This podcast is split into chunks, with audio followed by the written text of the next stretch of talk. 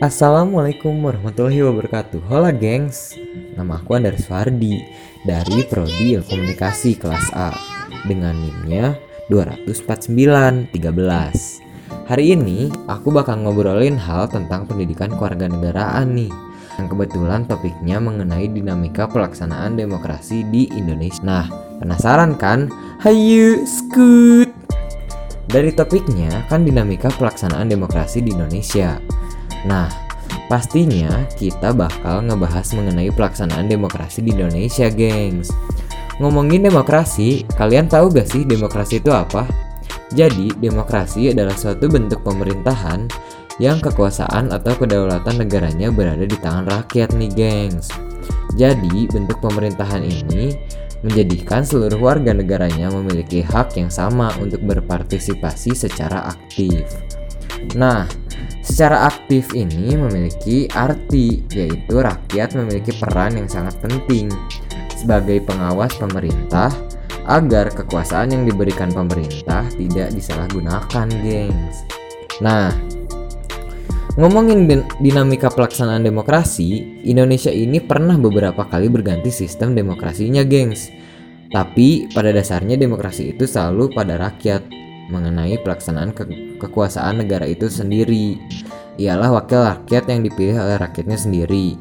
Yang kedua adalah mengenai cara melaksanakan kekuasaan negaranya, yaitu memenuhi kehendak rakyat. Dan yang terakhir adalah batas kekuasaan negara demokrasi.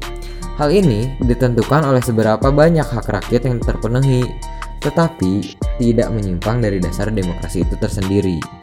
Nah, Buat di Indonesia ini, gengs, penerapan demokrasi dapat dipandang sebagai wadah untuk menciptakan cita-cita hidup yang berada di Undang-Undang 1945 yang disebut kerakyatan.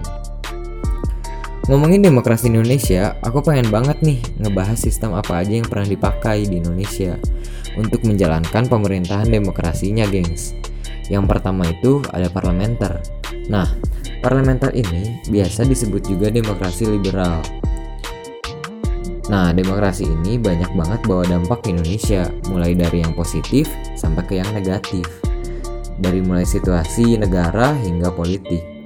Demokrasi ini digunakan pada saat zaman pemerintahan Soekarno di masa awal pemerintahannya. Selanjutnya ada sistem demokrasi terpimpin, di mana di sini menganut seluruh keputusan hanya berpusat kepada kepemimpinannya aja nih. Nah, dari sini udah kelihatan kan ada kejanggalan di mana kekuasaannya bukan dari, bukan lagi dari rakyat, tapi ada di pemimpin negaranya. Demokrasi terpimpin ini juga banyak hal yang hanya bisa diputuskan oleh pemimpinnya, gengs.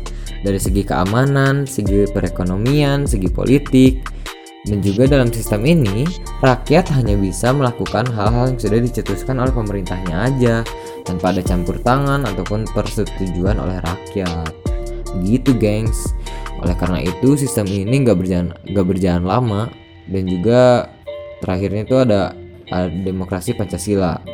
Nah dalam sistem ini mekanisme yang menganut pada kedaulatan rakyat ini juga terdapat dalam Undang-Undang 1945 dalam penyelenggaraannya pemerintah negara kita, gengs. Sistem ini digunakan pada saat pemerintahan presiden kita kedua, yaitu Presiden Soeharto. Dalam hal ini, semua keputusan pemerintah harus berdasarkan apa yang ada di Pancasila dan juga Undang-Undang 1945. Seperti yang ada di Pancasila, pemerintah harus menjunjung hal-hal yang ada dalamnya, seperti sila pertama, ketuhanan yang Maha Esa.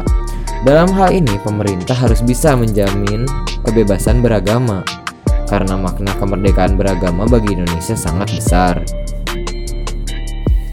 Dalam sila kedua, kemanusiaan yang sila ini mewakili menjunjung tinggi kesejahteraan hak dan kewajiban manusia yang di mana sangat dibutuhkan dalam segala situasi lingkungan dengan menerapkan sikap empati dan toleransi yang tinggi. Dalam sila ketiga, dalam sila ketiga Persatuan Indonesia, dalam sila ini sudah jelas kan disebutkan bahwa persatuan merupakan hal yang sangat penting. Kenapa? Karena persatuan merupakan kekuatan dasar yang dibutuhkan untuk mempertahankan keamanan dan pertahanan Indonesia dari segala macam ancaman. Lalu, dalam sila keempat, kerakyatan yang dipimpin oleh hikmah kebijaksanaan dalam permusyawaratan dan perwakilan.